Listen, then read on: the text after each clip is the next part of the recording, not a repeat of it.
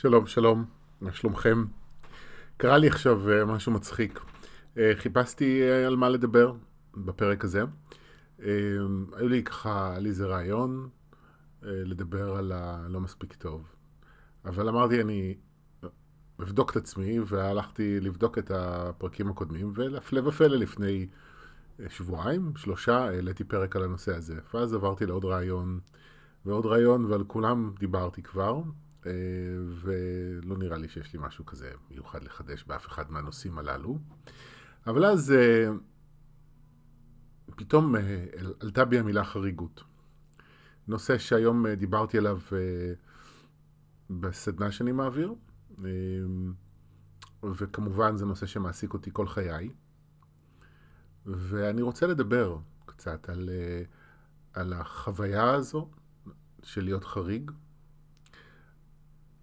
ולהביא איזושהי נקודת מבט שאני מקווה שתוכל קצת לעזור אה, להכניס אוויר חדש למקום הזה, כי חריגות זה אוויר ישן, אנחנו ממחזרים בצורה לא בריאה את האוויר שגדלנו עליו. וזו אחת הסיבות שיש לנו בעיות נשימה לפעמים, אני, יש לי בעיות נשימה, כי אנחנו ממחזרים את פעם. ואני רוצה שהדברים שאני אומר היום אה, יעזרו קצת להביא, זה באמת נקודת מבט חדשה, שהוא אוויר חדש למקום הזה. אמ, אחד הדברים ששמתי לב אליהם במהלך השנים זה שאנשים שבאים לעולם הזה כדי לעבור איזשהו מסע התפתחות, מסע של שינוי, גם פנימי ולפעמים גם לעזור לאנשים אחרים להשתנות, בדרך כלל באים אה, למשפחות, נולדים למשפחות שבתוכן הם יוצאי דופן. אמ, וזה לא משנה אם המשפחה היא ליברלית או לא ליברלית, אבל יש איזושהי שונות בסיסית. אמ, זה כאילו אמ, שכולם הולכים איזושהי דרך מסוימת, רואים את הדברים פחות או יותר באותה צורה, ואז יש את זה שנולד, והוא עושה דברים אחרת, רוצה דברים אחרת, וזה רק הולך ונהיה ברור ככל שאנחנו גדלים. זאת אומרת, אם בילדות עוד אפשר להגיד שזה שונות יחסית מצומצמת, אז גם לא תמיד. אבל ככל שאנחנו גדלים, השונות יכולה להיות מאוד מאוד ברורה ובולטת. אמ, אבל זה לא נכון מה שאני אומר בעצם, כי גם אם אני ילד קטן, אני יכול להרגיש מאוד מאוד שונה, גם אם השונות שלי כאילו, בפרספקטיבה של אדם מבוגר, היא לא דרמטית, אבל החוויה יכולה להיות חוויה מאוד מאוד חזקה. אבל בכל מקרה, אני רואה איך זה גם גדל יחד איתנו, ואנחנו יכולים להרגיש מאוד מאוד שונים בסביבה שלנו. עכשיו, יש ברי מזל, שנולדים להורים שמעודדים ותומכים בייחודיות, בביטוי של הייחודיות שלנו. כי האמת היא שאנחנו כולנו ייחודיים, וכל אחד יש איזה דרך ייחודית שדרכו אלוהים בא לידי ביטוי. ויש כאלה שבאמת נולדים לבתים שבהם מעודדים את זה. אבל רובנו בואו נגיד את זה בצורה כזו, אנחנו גדלנו בבתים שבהם היה איזה שהם חוקים ומגבלות שאנחנו התמודד, התמודדנו איתם לגבי המימוש של הייחודיות שלנו, אה, בייחוד בדברים שיצרו קושי בקרב הסביבה שלנו. אה, דברים שבהם הסביבה שלנו נדרשה להשתנות כדי לה, להכיל אותנו או לקבל אותנו, אה, פעמים רבות זה לא מה שקרה, ואז היה לחץ הפוך מהסביבה שאנחנו נשתנה, שאנחנו נהיה אחרים, כדי שלסביבה יהיה יותר קל. אחד המקומות שאני היום אה, רואה איך זה בא לידי ביטוי, זה בשימוש שלפעמים עושים בריטלין כדי להרגיע ילדים. אה, לפעמים עושים את זה גם אם לילד אין באמת הפרעת קשב וריכוז, אה, גם אם יש אפשרויות אחרות לעזור לילד. אני בעיקר רואה את זה במערכת החינוך, שבמקום שמערכת החינוך תשתנה ל... ותתאים את עצמה לילדים. פעמים רבות מה שעושים זה מנסים להתאים את הילדים למערכת החינוך. אבל זו דוגמה עכשווית, אני חושב גם על עצמי, על האופן שבו אני גדלתי. אמ, אני ספגתי או שמעתי כל מיני אה, דעות על איך אני צריך להיות ואיך החיים לעומתי, שבסופו של דבר, מה זה בסופו של דבר? לאט לאט הרגשתי יותר ויותר לא מספיק טוב. או התחושה שאני מספיק טוב וראוי כמו שאני הלכה ופחתה. ומה שקורה בתהליך הזה, זה שהתכונות או המאפיינים בנו, שאנחנו מרגישים שונים עקב קיומם, וגם סופגים יחס כזה מהסביבה, הם הופכים להיות החלקים שמאפיינים אותנו כחריגים, זה מה שהופך אותי לחריג. אה, זאת אומרת, ההבדל בין, בין מיוחד לבין חריג זה הכאב. אם במילה מיוחד יש אה, אולי תיאור של המציאות, במילה חריג אה, יש איזושהי מידה של כאב ושיפוט. שוב, אפשר להשתמש כמובן במילה הזו באופן שהוא לא שיפוטי, אבל אני חושב שהרבה פעמים אצל רובנו זה טעון בכאב. אני חריג, ואני חריג אז אני אחר, אני שונה, אני בדרך כלל מרגיש פחות טוב עם עצמי, אמ, ואני גם משלם על זה כמובן איזשהו מחיר. אמ, אני זוכר שכשהייתי בתיכון, ב... זה היה בכיתה י"א, אולי י"ב. הייתי אז, אה, כן, זה היה בי"ב. התחלתי אה, כבר לצאת מהארון, והייתי אה, מאוד, לי איזה רוח לחימה, איזשהו רצון לשנות את העולם. הייתי אז פעיל בתנועת נוער. בקיצור, יזמתי אה, בבית ספר איזשהו פאנל אה, של כל מיני אנשים. שייצגו קבוצות שונות באוכלוסייה לדבר על אפליה ושוויון. ובאו, באופן מפתיע, אני חושב בדיעבד, כאילו, אשכרה, באה מישהי שייצגה את, אה, את הקהילה הלהט"בית שהכרתי, והזמנו והגיע, משה נגבי ודניאלה וייס, ו... מכל מיני קבוצות. אני זוכר שכשעבדתי, זה לא עשיתי את זה לבד, אבל כשישבנו היינו כמה חבר'ה מהתיכון, וכשעבדנו על זה ותכננו את זה, אני זוכר שבאיזשהו שעה פתאום הבנתי שבעצם הקבוצה היחידה באוכלוסייה שלא סובלת מאפליה, זה גברים אשכנזים, לבנים וסטרייטים.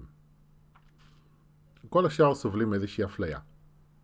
עכשיו זו קבוצה מאוד מצומצמת, גברים, אשכנזים, לבנים וסטרייטים. קבוצה מצומצמת באוכלוסייה שבעצם אה, מוגדרת כסוג של נורמה שצריך לשאוף אליו.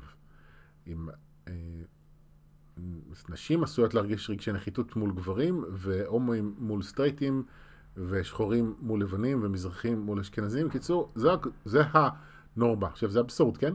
זה, זה המיעוט. זה מיעוט בפני עצמו. מבחינה סטטיסטית באוכלוסייה. אבל זה נתפס מבחינה חברתית בתור איזה אידיאל, או כאילו זו הקבוצה עם הכוח. אני לא סוציולוג, אז אני לא באמת יודע להסביר את זה מהנקודת מבט הזו, אבל זו הייתה התובנה שהייתה לי אז, והיא מלווה אותי עד היום, כמו שאתם שמים לב, עברו מאז כבר איזה 25 שנה, ואני עדיין אה, חושב על זה לפעמים, כי זה ממחיש בעיניי אה, את אחד ה... את אחד האבסורדים בכל מה שקשור להרגשה הזו של אני יוצא דופן, שאין באמת דופן לצאת ממנה. ממה אנחנו יוצאים בדיוק? בהשוואה למה? אה, כי אם אני באמת באמת מסתכל על האנשים, כל אחד נראה אחרת, וכל אחד לא סתם יש גם טביעת אצבע ייחודית, אה, והתרכובת הזו של המתנות והכישרונות שלנו עם השיעורים שבאנו ללמוד, עם הניצוץ האלוהי שיש בתוכנו, הכל כזה ביחד הוא שילוב ייחודי אצל כל אחד. אין באמת שני אנשים שאפשר להגיד שהם אותו דבר. אפילו uh, תאומים זהים הם באופי לא זהים. אין דבר כזה באמת אותו דבר. אמ, אבל אנחנו מרגישים חריגים וצריך להכיר בזה. זאת אומרת, אם uh, זו חוויה שאתם מרגישים, ואני מכיר את זה היטב, זאת אומרת, אני הייתי תמיד חריג בגובה שלי, אני מטר תשעים ושלוש, אז מהגן הייתי, אני וערן, היה עוד ילד בשם ערן, שנינו היינו הכי גבוהים, בגן ובבית ספר. אמ, ההורמונית שלי עשתה אותי חריג, עודף משקל שלי, לפחות כשהייתי אה, נער, עשתה אותי, זה הייתי חריג בעקבות זה. וכמובן הרגשות שלי, הייתי חריג בגלל שהייתי אה, אדם אה, שמרגיש רגשות. ועוד גבר, יש לציין. אמ, המשיכה שלי לעולם הרוח העיסוק שלי בתקשור, שגם זה בעולם הרוח, לפחות בחלקים מסוימים שלו, הוא דבר חריג. בכל מקום, אין לנו ילדים, אנחנו לא רוצים ילדים, זה גם שם אותנו חריגים. אה, פרספקטיבה מסוימת אצל אנשים מסוימים, אה, כי היום זה כאילו סוג של נורמה חדשה שהומואים מביאים ילדים לעולם. כשאני יצאתי מהארון זה לא היה נשמע הגיוני, אבל היום זה כבר נורמה. ואנחנו לא רוצים לממש את זה. אה, אז בהרבה דברים אני הרגשתי חריג, אבל אני חושב שבאמת ההבדל בין להרגיש מיוחד לחריג הוא הכאב שיש בנו, ואני אספר לכם, אתן לכם איזה דוגמה שיכולה להמחיש את זה מאוד טוב. אמ, אני את אה, רוב שנות ה-20 לחיי הייתי רווק, אמ, ו...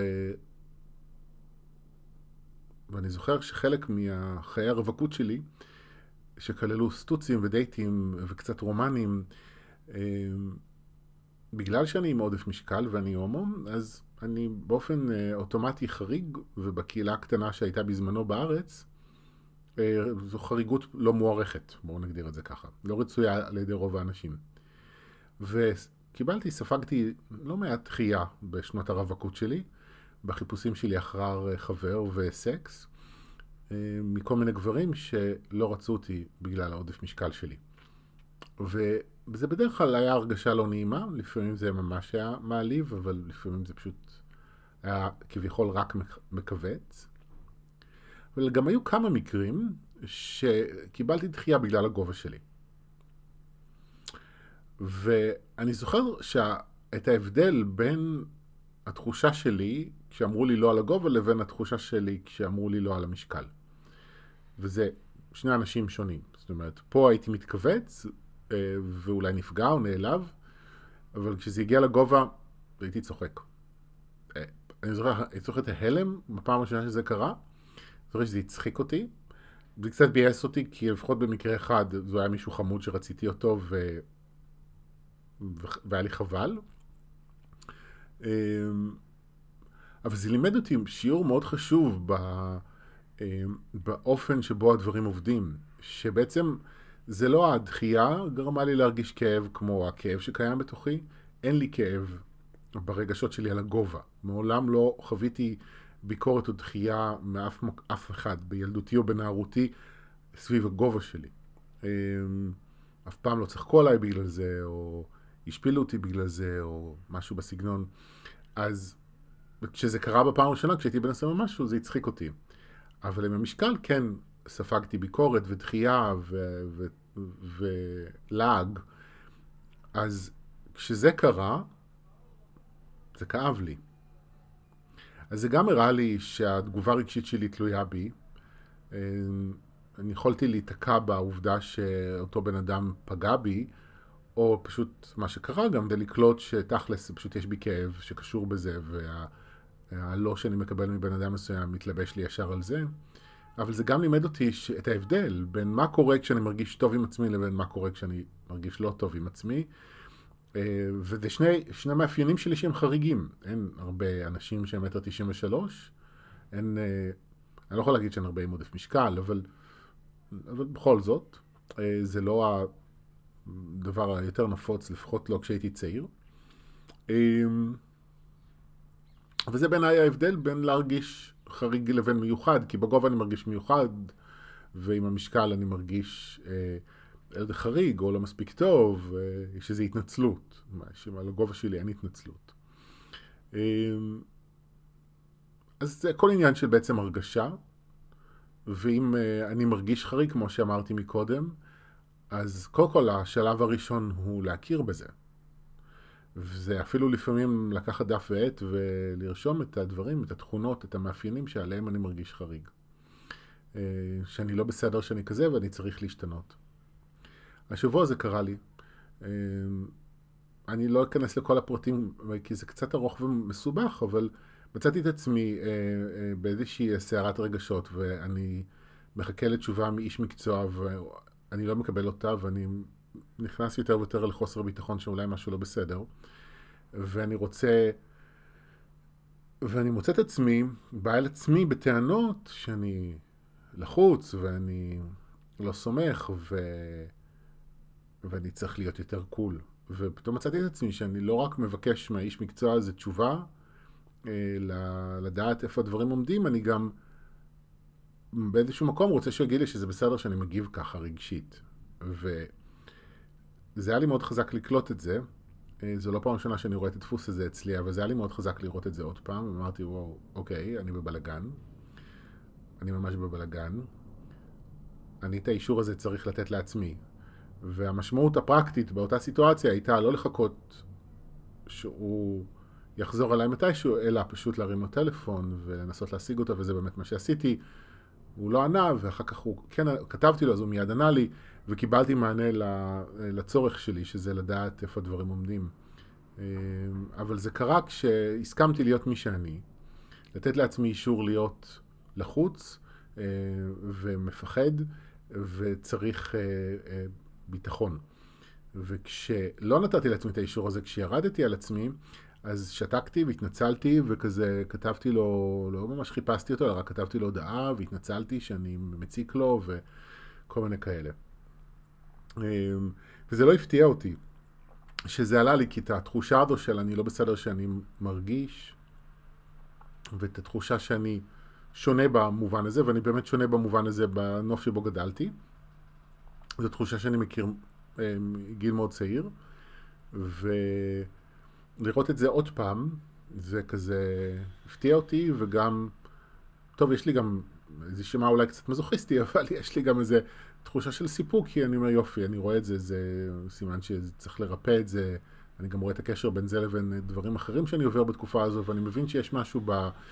אה, מותר לי להיות אני שזקוק לחיזוק. וזו הסיבה גם שאני מקליט את הפרק הזה בפודקאסט דווקא על הנושא הזה, מאותה הסיבה שהפרק הקודם עסק באשמה, כי זה בדיוק, זה נושאים משיקים שאני מתעסק בכולם בזמן הזה, וחלק מה... או אולי תמיד. אנחנו תמיד מלמדים את מה שאנחנו צריכים ללמוד.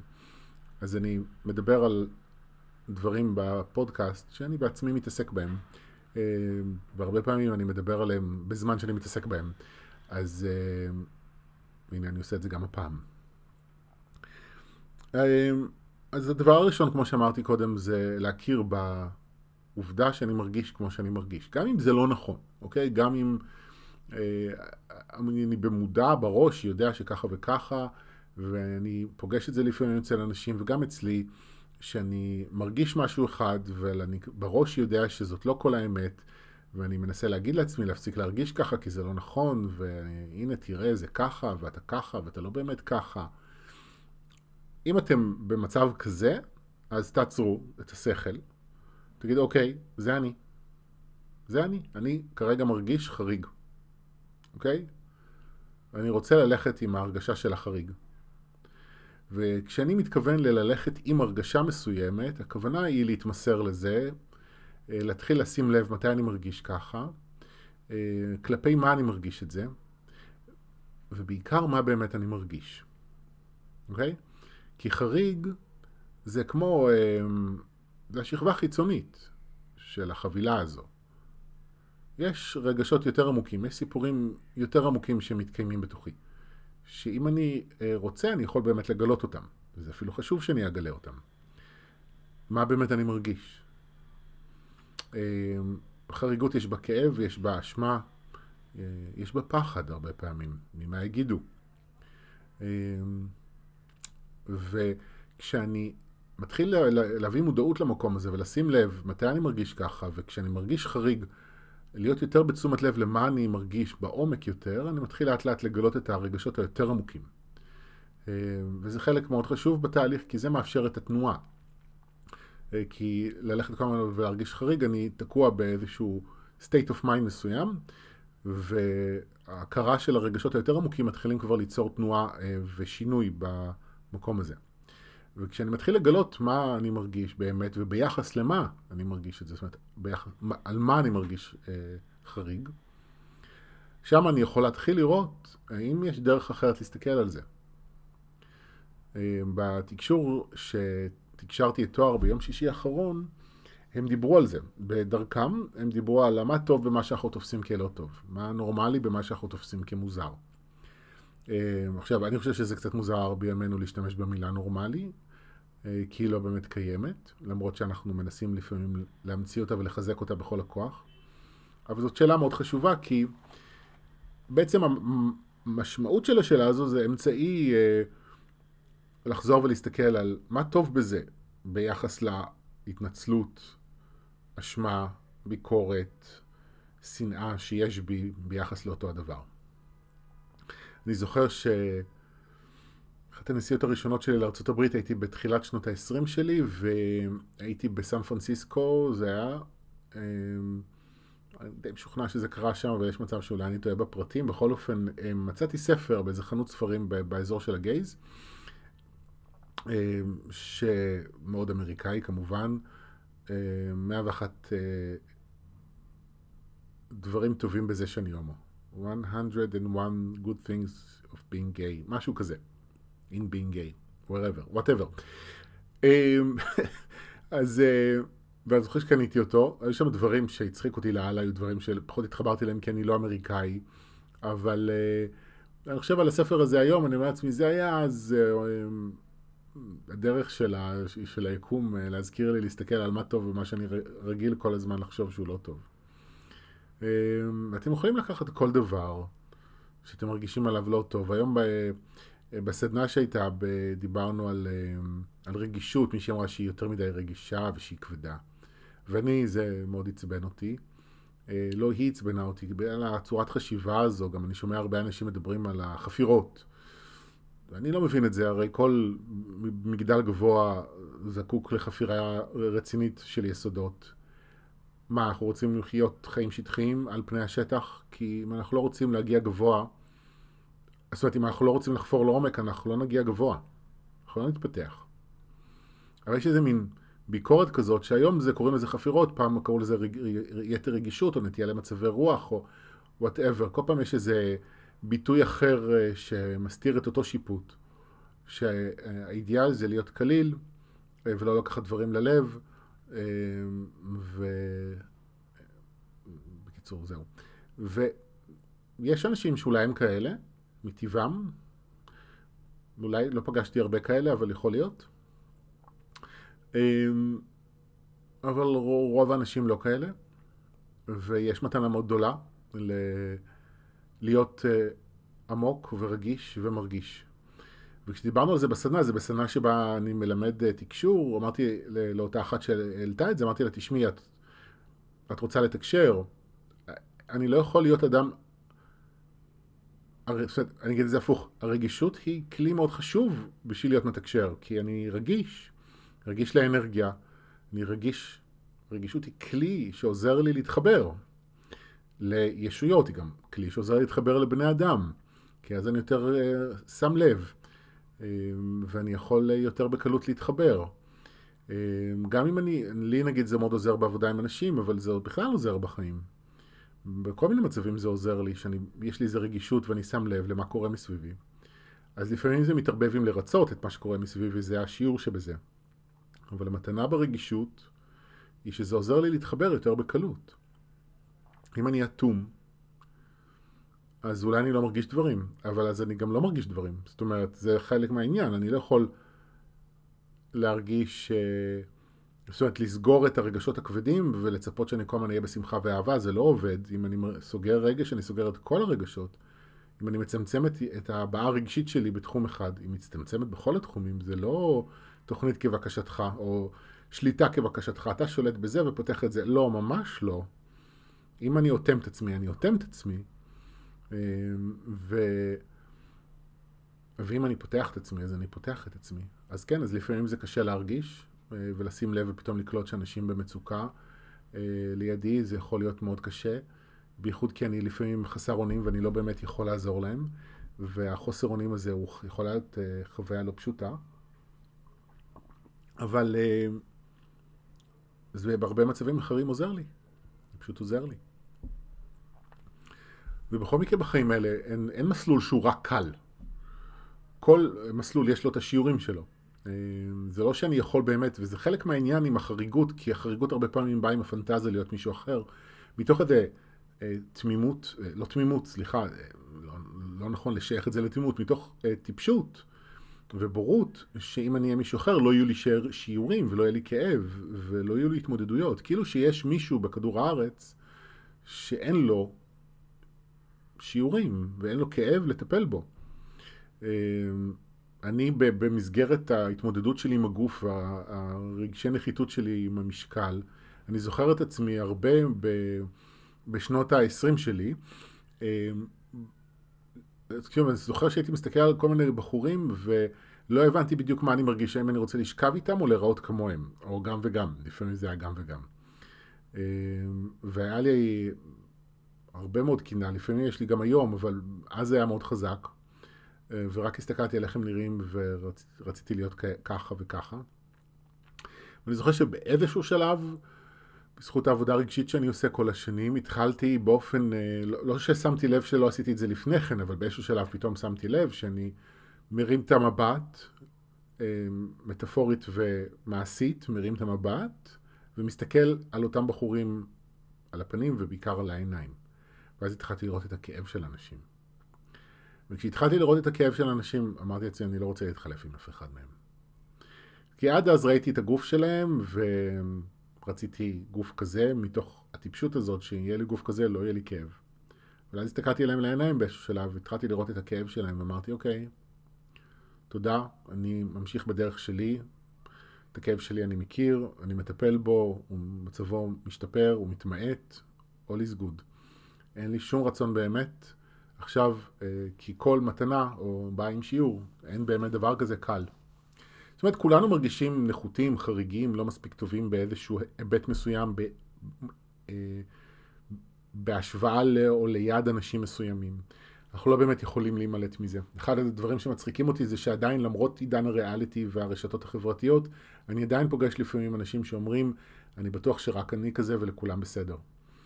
כי באמת, אם, אם באמת אנחנו מקשיבים לאנשים שמדברים, אם אנחנו באמת באמת קוראים לעומק מה אנשים אה, משתפים, מי שעושה את זה, בבלוגים, ברשתות חברתיות, ואני מדבר על אנשים שמשתפים באמת, כולנו אה, מתמודדים עם אה, כאב ועם חוסר ביטחון ועם שנאה עצמית ועם פחדים וחרדות, כל אחד במינון שלו, בתקופות שלו, ביחס לנושאים אחרים אולי, אבל אנחנו ברגשות אנחנו אותו דבר. אין באמת דברים שרק אני עובר, רק אני כזה. לא. אנחנו ייחודיים בכישרונות שלנו, או בשילוב שלהם אחד עם השני ועם האופי שלנו, אבל אנחנו לא שונים אחד בשני ברגשות, ברגשות אנחנו אותו דבר. כולנו חסרה אהבה, זהו, כולנו זקוקים לאהבה, וכולנו מפחדים לאבד ולהישאר לבד. זהו. אז זהו, אז אני מזמין אתכם, אם אתם אה, מתחברים, להכיר בתחושה של החריגות ולהתחיל לראות מה, מה טוב בזה. איך אני יכול להסתכל על זה אחרת? להפוך את החריגות לייחודיות. יש הרבה כאב לפעמים לטפל בזה, וזה לא דבר קל, אבל להמשיך לסחוב את הכאב הזה זה בעיניי הרבה יותר קשה. ויש, באמת אפשר אה, לזוז ולהשתנות במקום הזה. אני לא באמת חייב להישאר כפי שהייתי. אני יכול לפנות מקום אה, בתוכי לחוויה והוויה חדשה. זה באמת תלוי רק בנו. אמ, זהו, אלה הדברים שלי להפעם, אני מקווה שזה עזר, אבל אני רואה שיש לי עוד דקה, אז אולי נגיד על זה עוד דבר אחד. שכשאני מתחיל להרגיש את החריגות ואני נהיה יותר מודע אליה, זה יכול לעלות הרבה כאב. אה, וכאב ואשמה ושנאה, זאת אומרת, הרבה רגשות יכולים לעלות. קחו את זה בחשבון בתהליך. אמ, זה לא בהכרח קל, שלא לומר, זה עשוי להיות מאוד קשה. אם אתם מתמודדים עם משהו מאוד כואב, אני ממליץ בחום רב, לכו לטיפול, שיחה, הילינג. תקבלו תמיכה למה שאתם עוברים, כי לפעמים, וזה הקושי הגדול ביותר, כשאנחנו מאוד מסובכים בתוך הכאב הזה, קשה לנו לראות מה טוב בזה בכוחות עצמנו. אנחנו צריכים לדבר עם, את עצמנו, עם מישהו אחר, כדי לקבל פרספקטיבה, אה, שלפעמים אין לנו אותה בתוכנו. אז בקשו, בקשו עזרה, זה חלק מאוד חשוב בריפוי של התחושות הללו ולבנות את הדרך שלנו לחופש. זהו, עכשיו אני יכול להגיד שסיימתי. תודה שהקשבתם, ואנחנו ניפגש בהמשך הדרך. ביי ביי.